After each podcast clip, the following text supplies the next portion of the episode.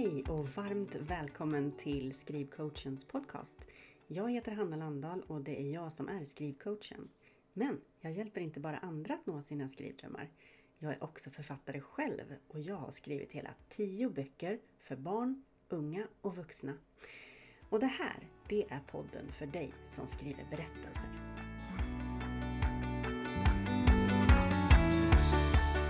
Ljudböcker. Det ska vi prata om idag och oavsett vad vi tycker om dem så är de ju här för att stanna. Jag vet att många författare, alltså såväl aspirerande som utgivna, gärna vill att deras böcker ska bli just pappersböcker. Ja, och det är inte så konstigt. Eh, det handlar ju om tradition, vad vi liksom är lärda att en bok ska vara. Men eh, det handlar också om status. Och det är faktiskt fortfarande så att författare som enbart kommer ut i ljudboksformatet har en lägre status eh, hos förlagen än författare vars böcker blir pappersböcker. För förlagen satsar oftast mer på sina pappersboksförfattare, till exempel. Men Ljudboksmarknaden, den ökar hela tiden och vi måste komma ihåg att bokbranschen är en trög bransch. Och jag är ganska övertygad om att det här på sikt kommer förändras. På lite sikt kommer eh, ljudbok, de som bara skriver för ljud, eh, inte ha en lägre status än de som skriver för papper också. Men du vet, Rom byggdes inte över en natt. Hur som helst, ljudboken är här för att stanna och vi kan välja att se den som någonting som inte är så bra. Men vi kan också välja att se den som en stor möjlighet faktiskt.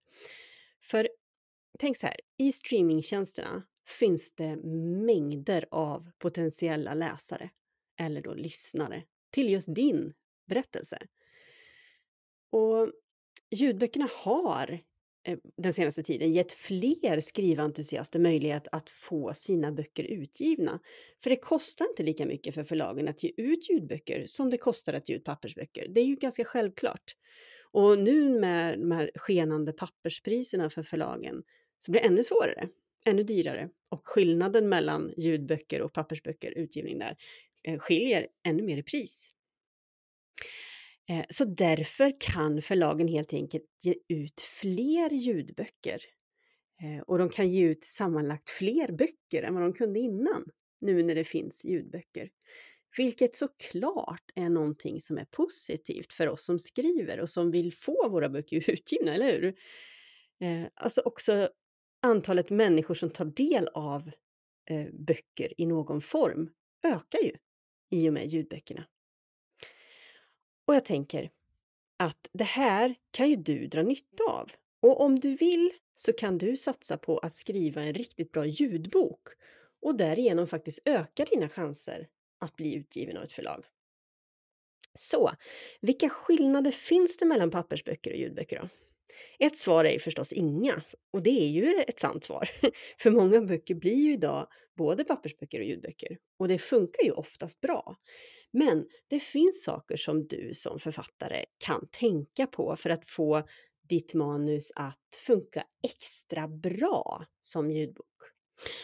Och jag har fått många tips av ett av mina förlag, eh, Lind Company, som, jag, som har gett ut två av mina ljudböcker, eller ja, de två böcker som bara har blivit ljudböcker om man säger så. Då. Och eh, ja, jag ska dela med mig av lite tips som jag har fått av dem här om man vill bli bra på att skriva just för ljud. Nu är jag ingen expert själv. Eh, jag kan inte säga att jag har några gigantiska ljudboksframgångar bakom mig. Men jag har fått mycket tips som jag själv försöker använda mig av. Och då är det ju så här att när vi lyssnar på en ljudbok så gör vi oftast någonting annat samtidigt som vi gör det. Vi som skriver får alltså räkna med att våra läsare, eller då lyssnare, inte har sin fulla uppmärksamhet riktad mot berättelsen. Alltså inte på samma sätt som de har när de läser en pappersbok. Därför behöver vi som författare när vi skriver just för ljud, när vi, alltså, jag menar en, en pappersbok kan ju naturligtvis bli en ljudbok Eh, självfallet, och för på många sätt är det ju så. Men om, man, om vi skriver, om vi vet från början, vi ska skriva en ljudbok, eh, då finns det saker vi kan göra för att underlätta för våra läsare. Så att de kan hänga med i handlingen trots att de förmodligen gör någonting annat medan de lyssnar. De är ute och går, de kör bil, de viker tvätt, de lagar mat. Ja, du vet, vad gör du själv när du lyssnar på ljudböcker? Ehm, ja, så här får du lite, lite råd kring vad du kan tänka på om du vill underlätta för lyssnarna helt enkelt när de lyssnar. Det första då är att eh, försöka tänka på att ha en rak kronologi i din berättelse. Och vad menar jag med det? Jo, jag menar att du inte ska hoppa i tiden så mycket. För när du skriver för ljud är en linjär berättelse att föredra eh, framför en berättelse som hoppar fram och tillbaka mellan olika tider. När man läser en pappersbok så har man ju alltid en möjlighet att gå tillbaka om man har missat något. Och den möjligheten finns ju inte på samma sätt riktigt för våra lyssnande läsare. Så därför är eh, det ett tips om du vill skriva en bok som fungerar väl i ljud, att ha en rak kronologi och inte bry dig så mycket om tidshoppen. En annan sak att tänka på är att ha en tydlig handling. Ja, och det är ju så här att det är lättare att hänga med i en tydlig handling, alltså där det händer saker för den som lyssnar, än en handling som är lite mer diffus. Och det är nog därför som deckare och spänningsböcker, där det ofta händer mycket, mm, rena praktiska actiongrejer. eh, att de ofta fungerar bra som ljudböcker. Alltså en tydlig handling. Det är lättare för, läs eller för läsaren eller lyssnaren att hänga med i handlingen, den fysiska handlingen, än i eh, saker som händer enbart inne i, i karaktärerna till exempel. Mm. Så det var en sak till då, en tydlig handling. Och sen har vi ytterligare en grej här och det är och det här har inte jag själv hållit mig till. Jag skrev en bok som hette Ända in i mammahjärtat och det stämde, in, stämde inte in på det här tipset kan jag säga. För den här Ända in i mammahjärtat skrev jag eh, som en ljudbok. Jag visste att det skulle bli en ljudbok. Eh, men tipset jag kommer med nu det är att ha bara ett enda perspektiv, vilket alltså är huvudkaraktärens perspektiv. Att inte hoppa mellan olika perspektiv. Det gjorde jag då i Ända in i mammahjärtat. Jag hade tre huvudkaraktärer och tre perspektiv. Sen har inte den gått så jättebra ljud heller, så ja, kanske är det så att vi har en anledning där, jag vet inte. Eh, men det här med perspektivbyten kan bli svårt att hänga med i för den som lyssnar. Man får vara väldigt, väldigt tydlig som författare i så fall om det ska fungera. Och om du vet om läsaren tappar tråden eh, ja, då är det svårare att gå tillbaka och dubbelkolla i ljudboken än i en pappersbok. Eh, och är det så att du ändå vill ha flera perspektiv, så se då till att de olika perspektiven skiljer sig mycket åt. Och det här gäller ju också naturligtvis om du skriver en pappersbok. Eh, för att eh, vi vill särskilja perspektiven åt så att det inte är otydligt för läsaren vem det är man följer. Det ska vara uppenbart vilken de följer och det blir då ännu viktigare i ljudboksformatet eftersom det är svårare att gå tillbaka. En annan sak att tänka på är att inte ha så fasligt många karaktärer. Eh, karaktärerna ska inte vara så många till antalet, men de ska också vara tydliga.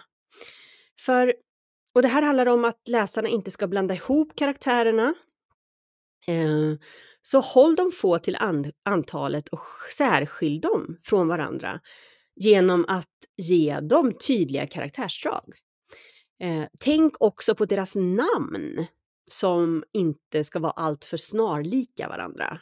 Utan att man kanske inte ska ha flera namn på A till exempel. Då är det lätt att blanda ihop dem. Utan skilj, försök se till att du skiljer på karaktärerna eftersom det är svårare i i ljudboksformatet när man håller på med andra saker och lys lyssnar samtidigt. Att hänga med och, och riktigt ha, man har inte sitt fulla fokus.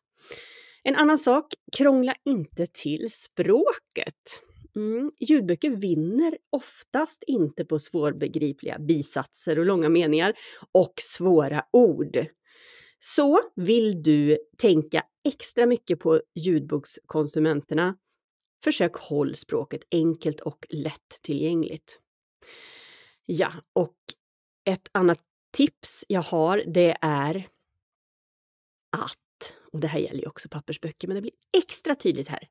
Första kapitlet är superviktigt. Alltså det är lättare för en ljudbokslyssnare än en pappersboksläsare att stänga av din bok och välja en annan.